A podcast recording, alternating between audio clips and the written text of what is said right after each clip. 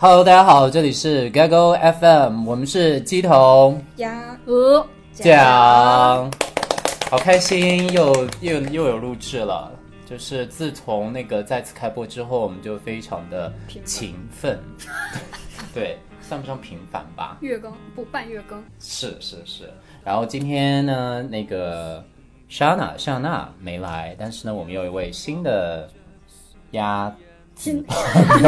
新鸭新鸭，对，有一个新鸭。新鸭新入要来圈。的，跟大家先打个招呼好不好？叫什么名字？有什么平常喜欢干嘛？大家什么之类的。好，我叫阿 k 呃，平时喜欢干嘛呢？平时喜欢躺着，躺着说明是富二代吗？没有，只是喜欢躺着，但并没有什么机 会。好吧，奢侈的梦想。行，那个今天阿 K 会帮我们一起来呃主持和分享，然后非常欢迎阿 K。 Hello 啊，Hello，对对对。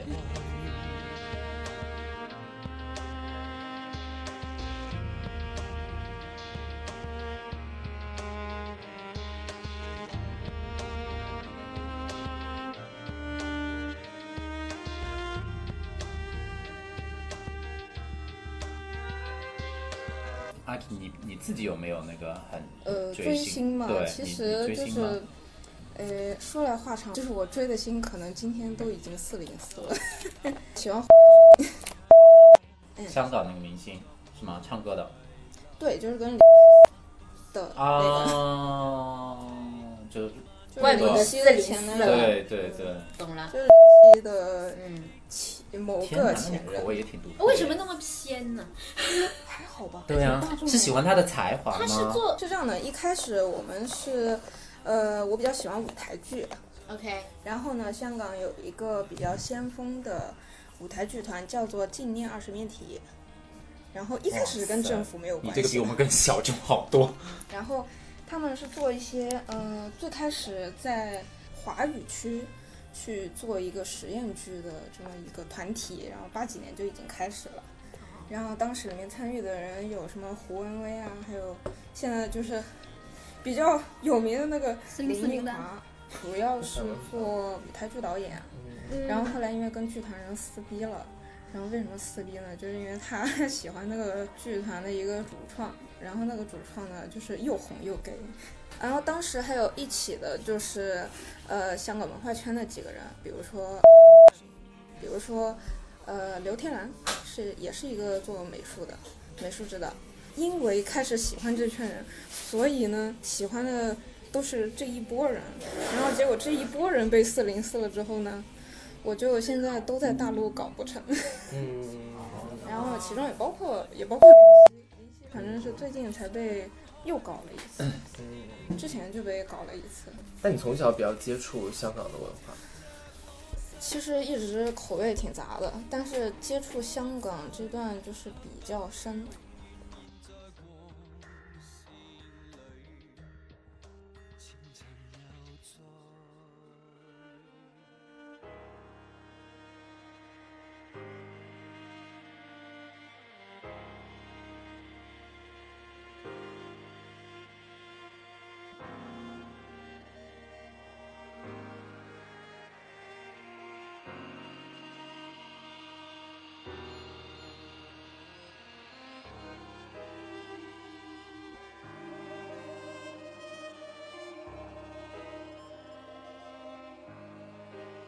然后就人生高光时刻，就是跟林夕在路边抽烟，真的吗？哇？就是因为没烟抽，然后我们一帮妹子就是说，因为那一天也是在看出嘛，然后就是在拿我嗯们名没有哦看《美丽的呼声》那一场，然后我们在门口，然后就看到一个看到一个暗搓搓的身影，然后就看，我说这不是林夕吧？他说好像是林夕，然后我们去，然后就去准备搭讪，然后结果呢，就是他开始走到一半了，他开始掏烟抽了，然后我们就，嗨，可以给我们一支烟吗？嗯，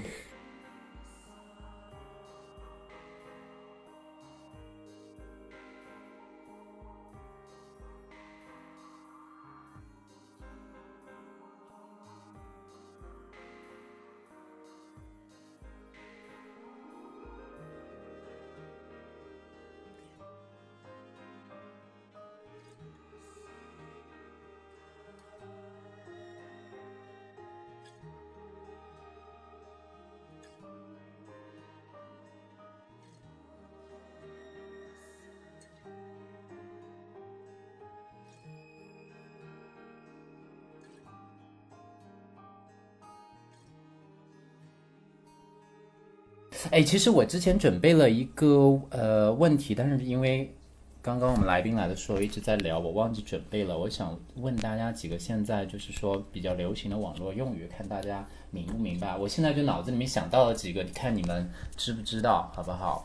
呃，一个叫原地去世，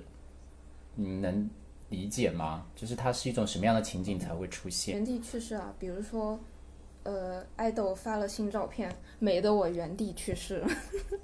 一看就是混圈的，对吧？哦并没有。还有一个是简写的什么 X S 我死了， W，好 吧，对，所以大家还是非常了解的。那今天为什么要聊这个呢？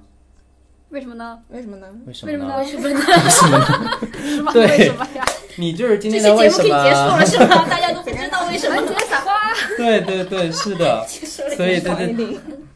对，就是今天之所以有这个，是因为我们今天有一位非常可爱的来宾包包加入我们，然后这就是为什么我刚刚想要借引一下今天这个话题，但发现非常的失败，因为我我也没有好好的准备。但是 anyway，我们今天要聊一下就是追星这个现象，因为我们几个人可能都有一些相关的经历。那么在此之前，我们非常欢迎隆重欢迎今天的大来宾包包，呃，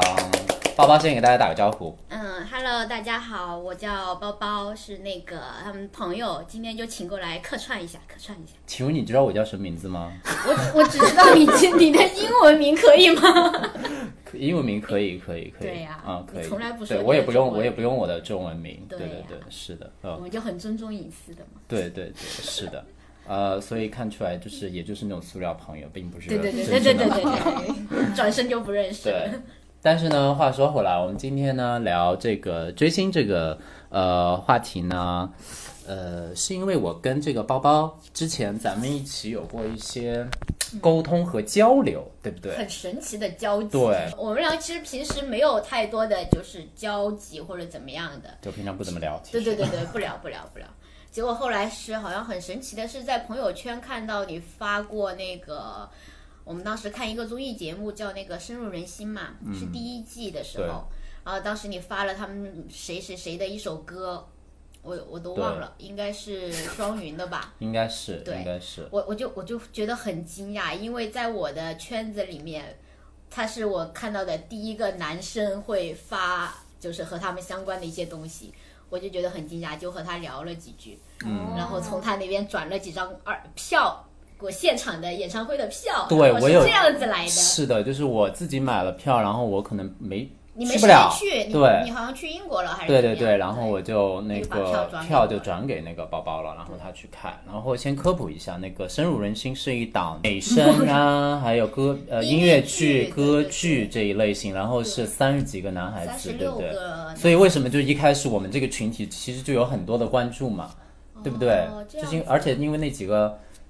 呃男生 top 的，对都很都很好看了。长得又很好看，是男团那种吗？我没不是我没男不看是过男这节目团，不它男不是团，选秀节目，嗯它就是一个音乐音乐类的综艺节目，而对且它不涉及到淘汰人嘛，哦，所以三十六个人是一直在的，会有一个随机组合，对这也就是这个节目，我觉得它后面会成功的一个契机我吧。好像知道一个成员，日剧是啊 就有一个最成员近你们一定知道， 就但那声音声音特别女生那个是她吗？啊，你他周说的是周深深周周深，对对对然后是是他的这个这个用粉丝圈怎么说是你本的命本命，深深现在 不是我的本命，老这公个假粉，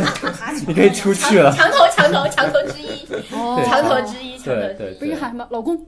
我不喊他老不知公不，知他不算我老 公，对，所以这个就是其实你点到了一个很大的差别。对。我们喜欢他们，但是几乎没有人会称之他为我的老公我啊有什么之类的。哦，你不要拉低我或们者的程度，好不好？或者什么弟弟之类的。但这个事情是已经发展到很后期的一个事情，就像你之前问我，就是说我一开始看这一集为什么会去看这个节目的那个原因嘛，因为有男生嘛，嗯哎哎，顺便问你的那个啥，那个啥，啊哪个啥？取向吗？还是兴趣？ 这个问题我们是每次都非常的每没次有都要问吗？还对，是。每次呃，要会问。会稍微问一 下宇宙直女 OK OK OK，还可以，对，所以我们现场呃，那个什么一下，有一位侄女，有一位，有两位脸拉位拉，还有一位基佬。对对单身吗？对，单身依然单身。这上期这次期也继续征 婚，剧对，我已经没有、啊，这个。你们节目还有这个功 能啊？那我也争一下吧，最后我们节目最可后能好很不难好？争到，对，我们节目可能很 真有的，啊广告位吗？ 而且我觉得可以可以听了百可分以之九十的应该对直女是兴趣度没有可能只有兴零趣点零对对对对， 零点零五。太惨了，我要回家。但说回来，就是我们有这么一档节目嘛，然后就开始追了，对不对？但我你能我觉得说一下我觉对得一开始看到他们，我印象最深的是那个高天鹤唱的那个海选的那首歌《炫进啊》，，就是全程没有任何歌词，只有啊啊啊啊啊假啊啊！他他的那个唱法叫什么？不是假高，他是那个那个那个眼高假是假声男高音，啊，他是假嗯高，嗯 OK 然后就全程只有没有歌词的那种。当时呃一个炫进，当时我就觉得哇好厉害哦，在其他的音乐节目是没有见过这样子的。对，而且他本人的性格又是带着一些那种很高傲的那种那对种感觉嘛，对你就会觉得嗯这个人很 real 哦。对但是后面我没有继续，那是第一期节目，我就晃了一眼。后面我没有继续追下去，是因为他每个礼拜五的播出时间和我们的那个俱乐部的活动时间是冲突的。可以看之后的那个。啊对对对对对，所以我中间是断掉的，只一直到后来，后来应该是节目都快结束了的时候，我才从他们组队还是什么时候开始看起，我就发现这个节目就除了不光他一个人，还有其他的三十五个人都是会让你觉得眼前一亮，哦，就是你在。因为我也看了很多国内的综艺节目，看看的挺多的嘛，嗯，所以没有见过他们这一类的，就是是很帅吗？你觉得？帅那个时候我倒没有太觉得，嗯，但是他们每个人都会有自己的一个能力在，嗯，就会有自己的一个，他们当时最突出的一个是他们的教育背景，嗯，另外一个是他们的呃外形，外形条件都很好，是然后就是他们出来的那个唱歌的能力各方面，我觉得都是挺强的，对，因为毕竟是科班出身嘛，哦，对，然后就觉得哎会很有兴趣。对，然后再后面再入坑的话，就是会他节目那时候会放很多奇奇怪怪的花絮出来，是，那些花絮就真的是很奇奇怪怪、可可爱爱。嗯，然后我就觉得，嗯，他们在台上一本正经，在台下就沙雕的跟个什么一样。嗯是，所以既有才华又有颜值，再加上一些可爱的一些对，性格什又又么觉得很之接类的地气，是因为他们不是在这之前都没有进入娱乐圈的那种。对对对，有是有些基本上就是素人，对，王希是里面名气最大的，应该王是一希开、始，周深都是比较大名气的两个人了，对对，还有对李琦，嗯，李琦对因为之前已经拿过那个《中国好声音》的冠军嘛，对，对但都不是那种流量类型的，跟现在的偶像和明星还是有很大的差别的。对，他们不是走流量，所以那个时候就觉得，嗯，可能不会涉及到什么所谓的饭圈什么这、嗯这一块儿。是，这也就是为什么那一代粉丝都会觉得自己和其他的流量粉丝是不一一样的，的就是有会有这种莫名其妙的打引号优的优越感感吗？对是，所以我那我正好问一下，你们有喜欢的比较有流量性质的这种偶像吗？或者明星有吗？王老阿师 K 应该有吧吗？ 我可以 大胆路说人路人粉 Blackpink 可以吗？啊，Blackpink 最近很火，Lisa 你知道吗？哦我知道他去那个节目，对对对，舞《蹈青春有你》嗯那女团个儿那，个对是他们很火，他们全球火，嗯，对我知道他们是个女团女吧，团，是对对的对，对最近女团啊什么团都很火嘛，对对吧？你有吗？他那个绝对是流量的，对，流绝量但是也只流是，但是没有，顶流流量嘛，但是你不会去专门去，对我只是很馋疯他的狂身子，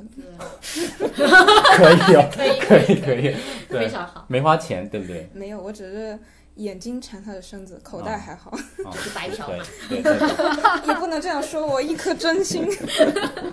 你有吗那？我好像没我有，我有李现，但嗯李我现哦李现，李现，李现，他之前没有那个，但是那部剧爆了之后，他就是现在就是流量，但他演技也还可以，就是说能力也是有的。就是他和那个谁的那部杨紫的那部剧，哦我都没对看，过我们家后面就有她，那个左上角那个平头的那个刘德华旁这边个那居个，然你居然没看出来，对啊，我都没看出来是他。 对，所以我也是有的。但我我其他你没好有像，我这个人有一点点所谓的天生的小反骨。就是你越是流量越是 top 的那种人，我就你就我会就越越越不太会去看他去喜欢。所以没有那种真香的那种案例吗？现在不是还流行真香吗？真香的安对利。随便查。像我现在看那个查也王一可以，博，我就会越看越顺眼。我看了那个街舞，我对他是有一点点改观，就是嗯，他不像他在其他的什么《天天向上》那样子，对就是很一长副嘛很木讷的对那个那对个样子，但是绝对不会到粉他的程度。嗯就，明白我。但反正也不太会疯狂，对姐吧？姐不好会严格。我有吗？你应该没有吧？我我很难想象你会因为某个流量明星疯 狂，好像没有哎，是你吧这？个我平时有有有昨喜天晚欢，上谁做图的时候说 Lisa 我 可以，所以你俩喜欢同一个类型是 吗？但是最近我有看到一个小男生，嗯，但他应该还不不到流量，明白。是那谁个我不知道谁你们有没有看那个《明日之子》第四集的那个。哦啊，我知乐道，团我系我有的看过一两期。对对对对，我我很喜欢里面的那个胡雨桐，哦，不 认识。看见我是没有，我是对那些完全没有印象，我脑子里面只有那这个片只记得儿我朴知树，道我我后来我觉得朴树我可 以，对对对对对对， 但那些小男生我就觉得就不就是那个行节目，朴树不是就是朴树也真香了吗？对，他对本来那个节目只签了两期，然啊后就是去走一下过场，就是把前面海选录完就走了嘛。对但是后面朴树就自己申请，就长期留在那个节目做导师了。明白。我们今天其实看到我们这几位都不是那种。会去给自己喜欢的偶像去做控评啊，然后或者去去出钱集资啊，那种就是现在不是挺流行这种东西的嘛，对不对？我们都不太是属于这一挂的。但是呢，我们聊到我们刚刚喜欢的那个几个自己真正喜欢的那几个明星吧，暂时称之为他们为明星。我们确实也有一些比较疯狂的经历。拿我来说，我去录，我因为当时喜欢那个呃，阿云主要是阿云嘎阿和云郑嘎云龙。我的爱人，你会不会一直哭着到天亮？阿云嘎当时是我觉得最可以的那个人，现在他也是最可 以现的，在相对也是对，现在也是最可以的。然后我去录报名了那个湖南卫视的《我是歌手》，经过了三轮电话面试，每一轮都在撒谎，因为我知道我就是为了他们去的，但是他他面试的目的就是为了删掉那些粉丝，你知道吗？哦，你这样讲出来真的好吗？ 什么什么可意以思？我无不太懂，所不太谓懂。就电话面试要删，没有删选删你选的粉粉丝丝，所谓的因为粉丝对，哦因为你粉丝去了，你肯定会投他们嘛，对不对？哦对，这样你就子不公平了。不公平，这样子对。然后还有这种门槛。对有的，然后所以就扯一堆，哎呀，我欣赏那个谁，欣赏那个谁，我觉得名气不重 要。太虚伪了。学到了，学到了，学到了。然后如果如果大家要去参与录制的话，一定要隐藏自己的那个粉丝，但我就不知道这个算不算好。但是 anyway 就不重要。然后我就去了，我在现场大概排队排了五六个小时，然后是而且是手机帮你没收掉，你一直在里面排队，你知道吗？然后有个人在里面活跃气氛，嗯，然后会 Q 人上去，还去唱歌等等等等的。然后再进去里面录制的时候。差不多是八九点开始录制了，然后录制的时候还还蛮快的，他就是没真的没有第二遍，反正就是你看到一遍过一遍过，对，然后就靠剪辑后期。对，然后你像歌手这个节目，确实它质量是蛮高的嘛，对就是大家的实力还有整体的舞美啊各种等等的，所以看下来你当场还是很享受的。然后，而且是一个很好的机会，一次性可以看到自己那么多明星，对。然后，但我觉得这个还不够疯狂，我最疯狂的是那天看完之后，我们等他们所谓下班，你知道吗哦，？你去等下班等了。下班在湖南卫视那个，而且当时是两月份、二月份，就是还很冷的时候，而且湖南长沙也非常的冷。啊对，然后在那个门口，然后被保安赶到对面，就不能直接在那门口等，要赶到对面去等，隔了一条马隔了路一条马路，隔了一条马路，然后当天还下小雨。然后我们记得当时大概有五六十个粉丝，基本上都是等他们的。然后等等等等到了差不多凌，从差不多十二点吧，等到了凌晨四点钟，因为他们不是洪涛要宣布那个票选什么之类，搞半天吗？都会所以我等到四点，等到四点，然后看到一个人出来，然后觉得啊，就就是尖叫，你知道吗？ 你不知道是谁 是吗？对，但是还好，大家就是神大家神基本教就粉神教丝为很厉害，就是能看出来谁是谁，然后就谁，然后他出来之后我们就喊，然后或者是唱歌，当时我们就有很多歌，你知道吗？我们这懂，边我懂那个然后感觉。对，然后菜菜还帮我们那个唱那个什么 To Be 呃 Free 的那个 To be free and 对 not 对 free 对对对那个对对对，然后就很疯狂很开，心然后当天晚上我就像打了鸡血，凌晨四点多回到还写宿舍之后， report 还对还在豆瓣的那个小组上面把自己的心情写下来，你知道吗？然后要差不多看到有。几十个人跟你互动了之后，你就好才没几个人。对，觉得大家看到了我的那个努力和参与之后，我才去睡觉。对，我觉得这个就是当时喜欢他们非常非常疯狂的一个事。心学会去等这一刻开启。就在这瞬间，回想从前，曾经的痛苦、挣扎和梦想在眼前。就在今天，一切如我所愿。胜利的光芒似火焰。太可以理解，就那种那种心潮澎湃的感 对觉。，然后后来就是他们来上海还是什么，我就去看买票啊，就各种抢票，然后各种去买，然后让发动身边五六个人帮你去抢，但他们都废物，没有一个人抢到票， 你知道吗？就不够投入。某某平台不好抢，是，就真的很难抢真的很难抢，而且都是很多都啊是内定的吧？而且我一觉得抢了就就直接就死机了。对呀、甚至黄牛是都啊抢不到。对啊，他的 app 就挂掉了，那不能怪我们。因为很多东西他们就会所谓给他们的分销商就是黄牛那种嘛，就对啊很烦。就对，黄牛那时候把他们的巡演票都炒到几千块的那种，我觉得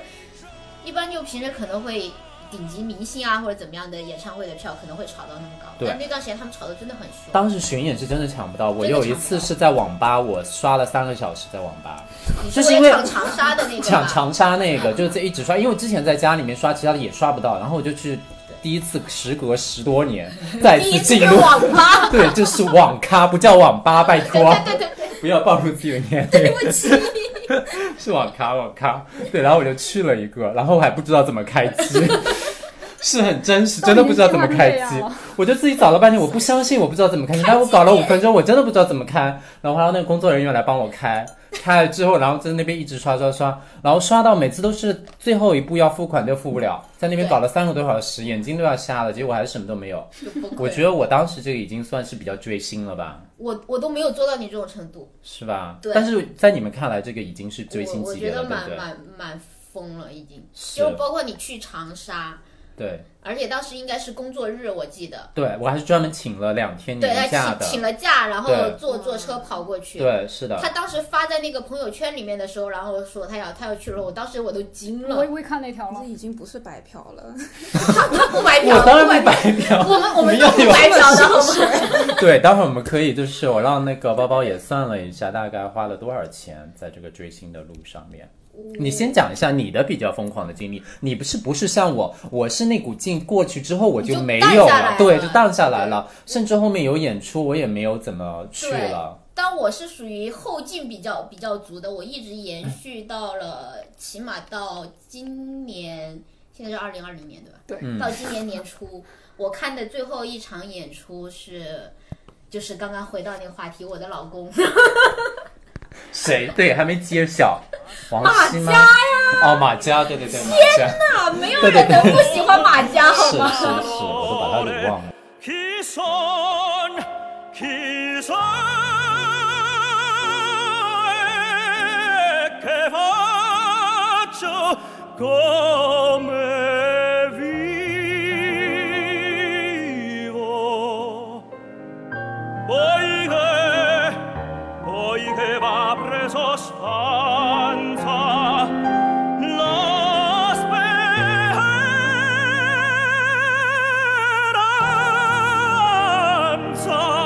speranza vi piaccia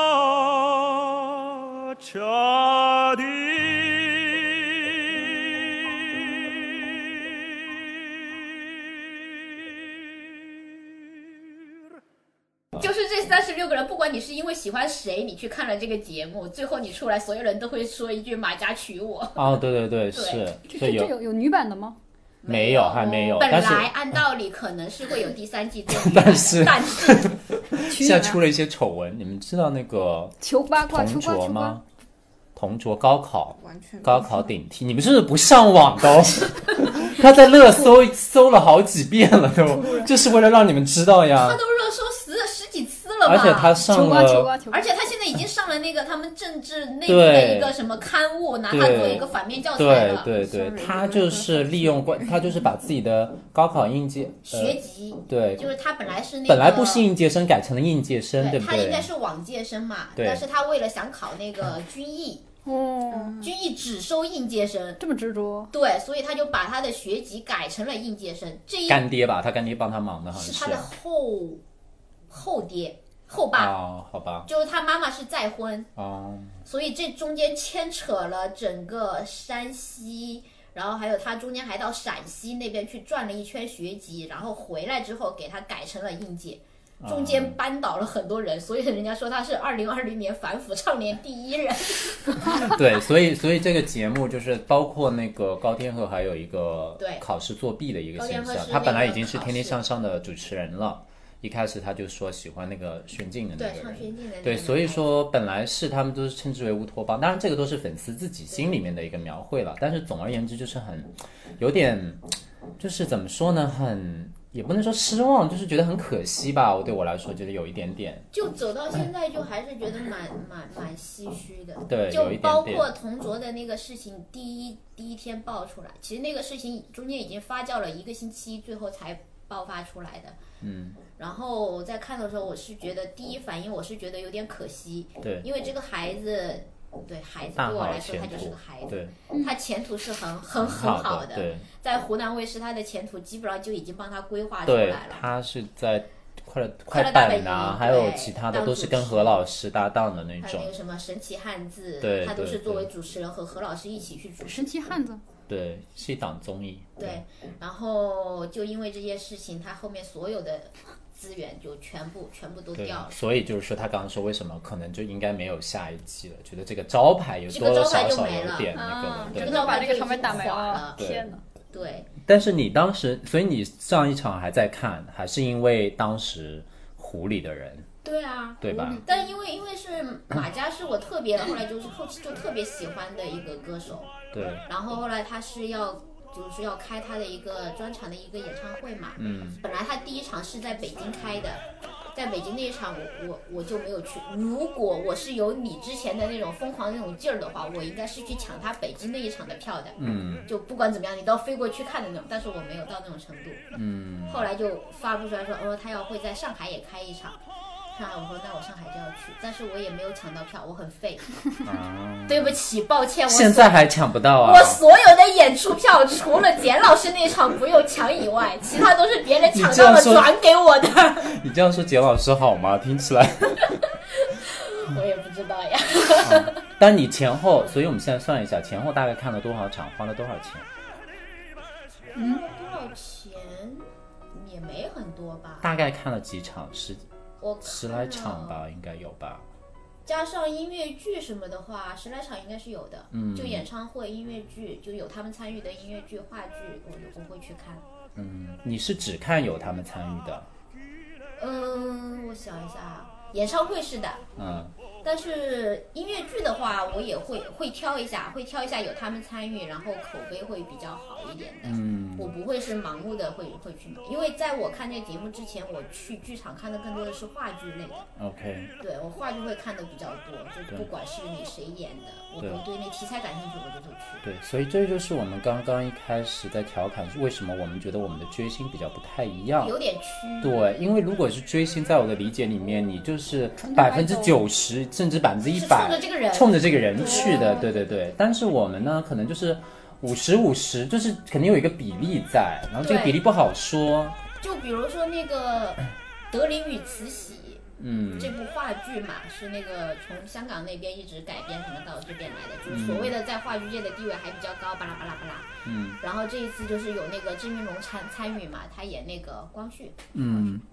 是，好像但是是那那一场呢，就是除了有他和江山他们是一组搭档，另外还有一组搭档是那个濮存昕对和另外那个那个，哎，我忘记名字了，江山不是是另外一个年纪很大的一个一个啊老奶奶。啊啊，对，我忘记了。然后就是他们是作为开场，濮存昕他们是开场，上海这边第一场，嗯后面的几场全部都是郑云龙的那个卡嘛。对，所有人都是就等着去抢郑云龙的那个卡。对，我我要的就是濮存昕那一场，哦，我就只 OK 想看这一场，因为濮存昕就是他是，他濮存是昕仁仁义的嘛，是在北一直在北京的，所以他基本上不太会来来上海，很少很少很少。嗯，那我就想看一次他的现场，是，我还是没有抢到票。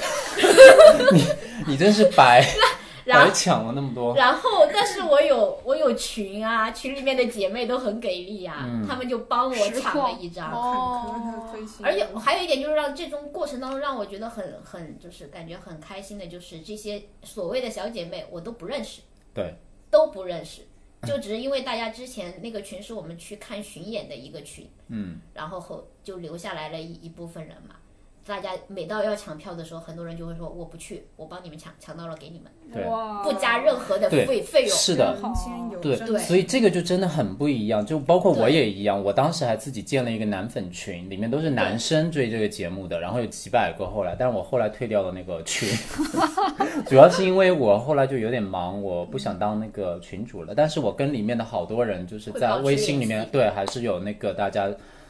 我就是在点赞之 条之上的，就对大对家对对对是真的想要去关心对方，想要了解对方的那一种的，对。对，所以这个收获的这个友情啊，还是什么，还蛮就好的。我我就会觉得还蛮神奇的，因为在那个群里面，我转我转的票的话，我就不会再去考虑这个票是不是真实的。嗯，就有些人会有假的票会给你那样子嘛，对，而且他们不走闲鱼，就直接交易的那种，我好像就不太会去考虑这方面的一个真实性。就群里面转票，我就是直接付钱的。对，哦，然后非常到信任。到现在为止，我前两天转了一张那个永不消失的电波，嗯，也是就直接转过来了。然后那次帮我抢德林的那个票的那个妹子，她人不在上海。嗯。后来有一次我看到她说她她要来上海看演出，但是当天晚上赶不回去了嘛。嗯。我说如果你回不去，我说你可以来我家住，就是很纯粹，然后很美好，对不对？对你就会觉得这中这整个追星的这个过程当中，这些人给我的感觉也是一个非常美好的体验。嗯，就他们像，因为我在我算年纪大的，他们是基本上都是一些有的还是大学生啊，有些可能才工工刚刚工作没几年啊，会有这样子的一些小小姑娘，就是还没有被社会毒打过的那种感觉，嗯对，是的，你就会觉得和他们的交流会比较就相对会简单很多。所以阿 K 像你没有这么，哎，我也不能这么说，因为你喜欢，我们刚刚也聊过，是喜欢舞台剧这种比较小众的，对不对？嗯你在追这种的时候，跟我们市面上看到那些追那些流量的，你觉得有什么差别？其实就是 关于看待追星，我想从两个方面谈，因为、嗯呃，先谈一下跟流量有关的吧，因为我的工作是和是会时不时和这些流量呃打交道吗？ 你不我要也吓拍我过郑云龙，啊！真的假 的？你早说！你早 说呀！为，哎，我们是这种，就是如果一听到马上就会那个什么，为什么有些人这么耐得住？对，就要认亲的感觉。对啊，你们两个脸好红。不是为什么？你继续，你继续。对你就是是牙膏可以送不是是某雪糕广告，啊，鞠婧祎，人家也没给我们打钱，你不要把人家名字说出擦来。掉，擦掉。某是某雪糕广告，然后专门拍了一次。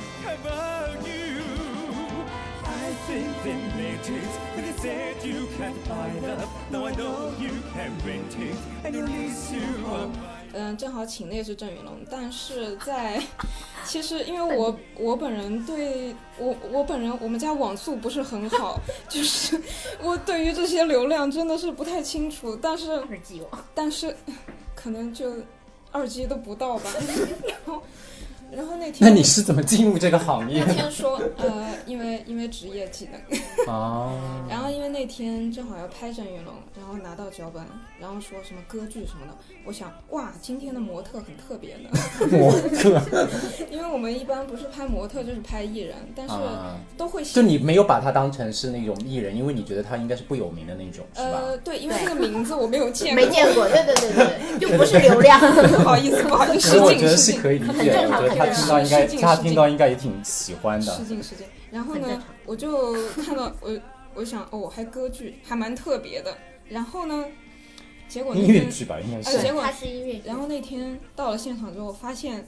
是真的蛮帅的。 是吧？呃，虽然有虽有然单视吗？没有，还真没有带。哦，没有但是哦，OK，那就可以可以关系听，听可以听，可以听。因为因为一整天都在跟他的过呃工作过程中都相处的非常愉快，是一个呃很绅士，然后嗯确实很王子气质的一个人。嗯其实是然个后傻逼。 对，非常非常对。他拍的时候，拍的期间会突然就，哦、然后吊嗓子。啊，他会自己在那对，边但练是声，我我们其实吗没这个剧情啊。 对，但是他就会突如其来的坐在那里，哦， 然后开始吊嗓子，我就。对，然后拍拍过他，呃，那次倒还 OK，没有碰到一些疯狂的粉丝，嗯但是有几次拍几个就是在流量上更顶级的一些人，比如说某某星，哦，我呃知，道，某韩国归来的，嗯，四子里面的，哦嗯，对很那些我们得小心一那点很靠，谱对对还厉对，害顶级小心顶小心流说话，对对对，嗯小心然说后话，对，呃，那次拍也没有但是吧，应该呃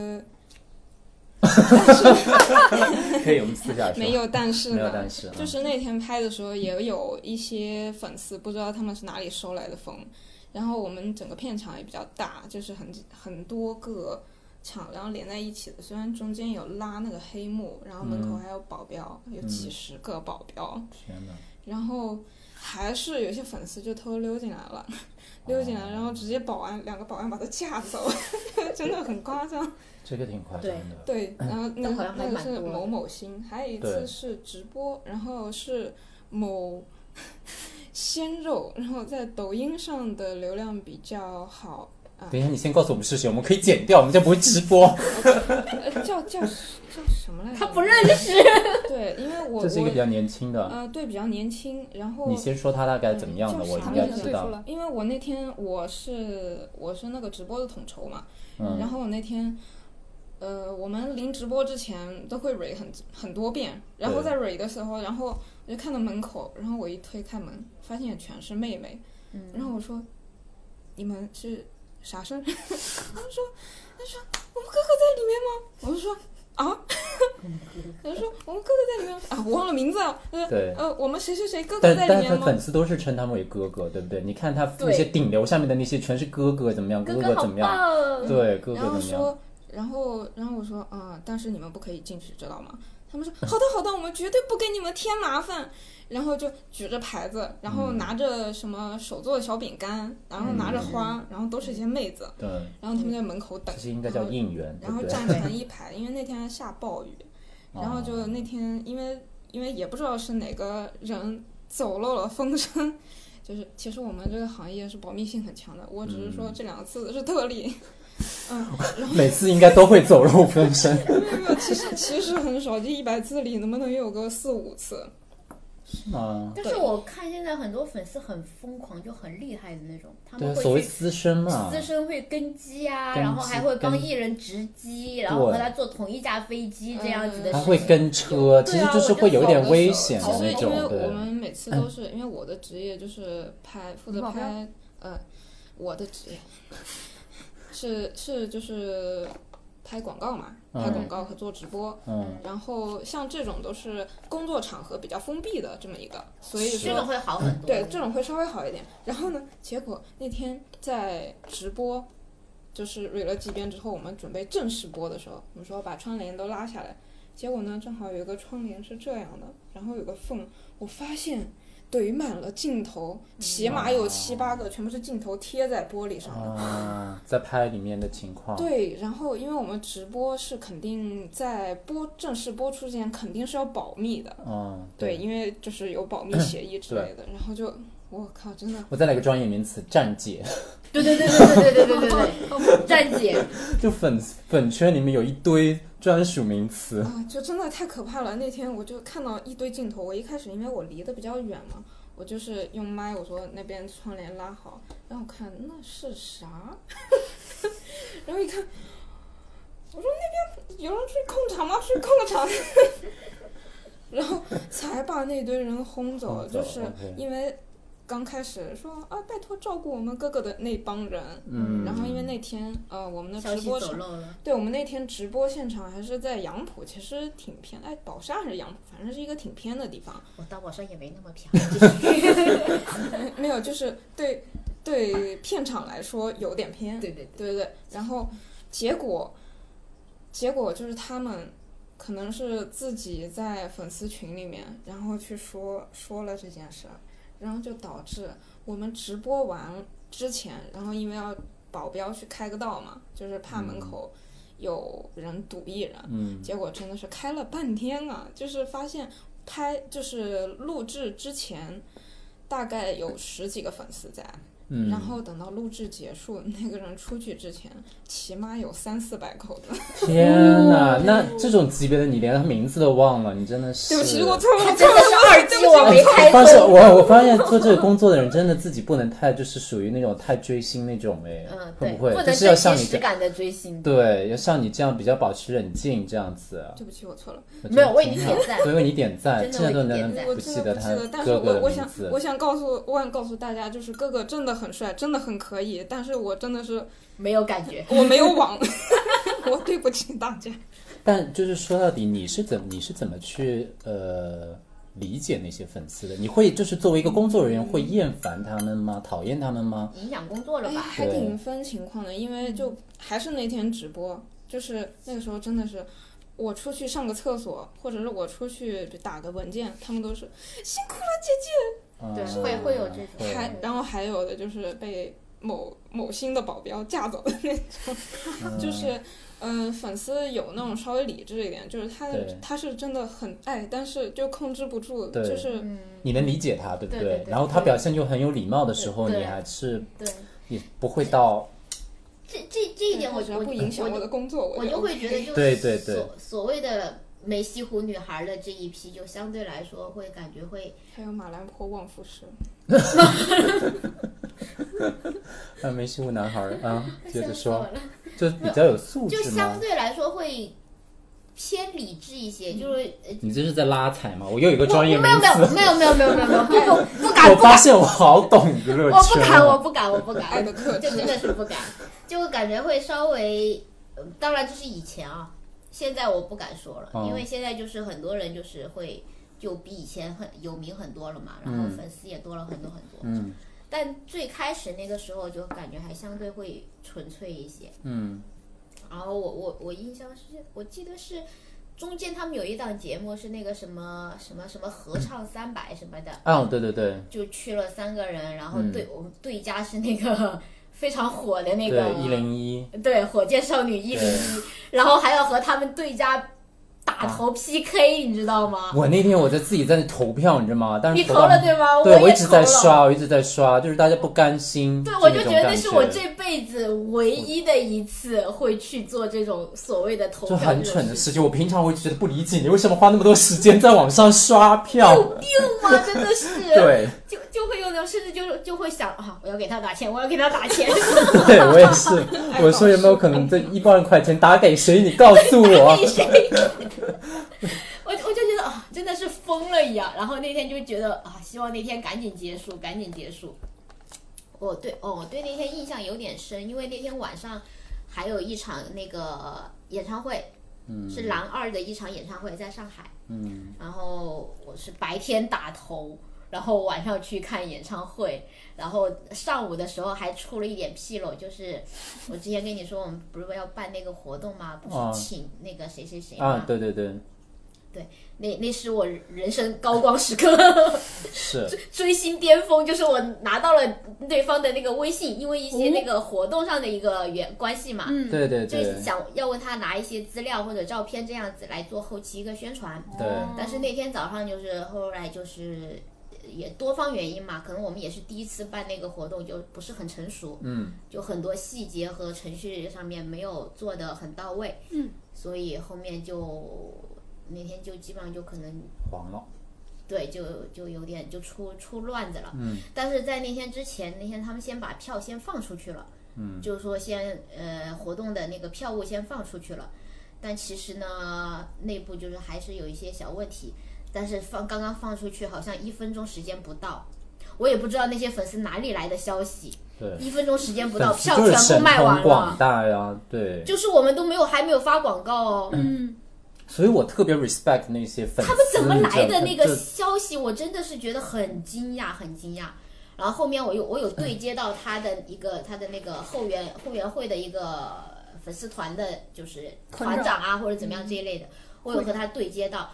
就对方的态度啊各方面的都非常非常的礼貌，嗯然后非常的理智，嗯然后就说我们这边会去帮你们去控制，因为他们平时是和那些粉丝是有联系的嘛，是包括一些所谓的大粉，嗯他们也都是有联系的。他说我们这边会帮，会和你们一起协调，帮助你们去控制现场啊，或者怎么对对怎么样的。对所以我整个就是印象就还是就挺好的，对就非常好的。当然后面因为很多七七八八的原因，就还是没有合作成嘛。是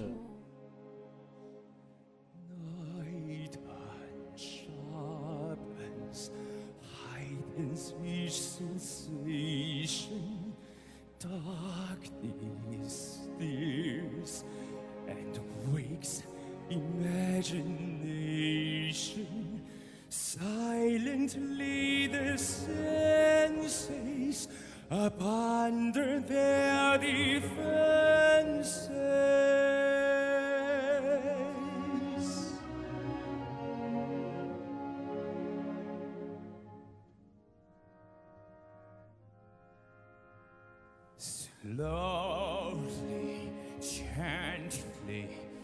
night and through this splendor, grasp it, sense it, 全部 lost and tender.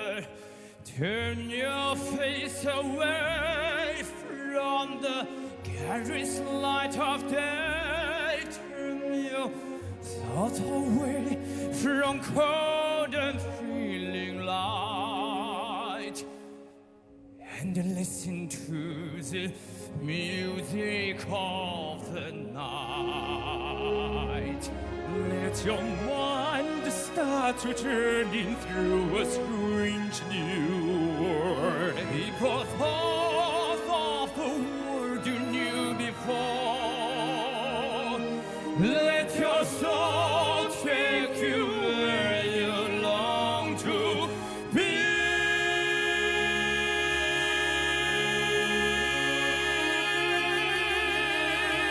Yeah. 然后大家如果有跟自己喜欢的明星有发生过一些比较有趣的经历经验，也可以给我们留言或者投稿，可以在下期节目当中。希望能出视频版，还不是你姐。可不是吗？ Turn your thoughts away from cold and feeling light and listen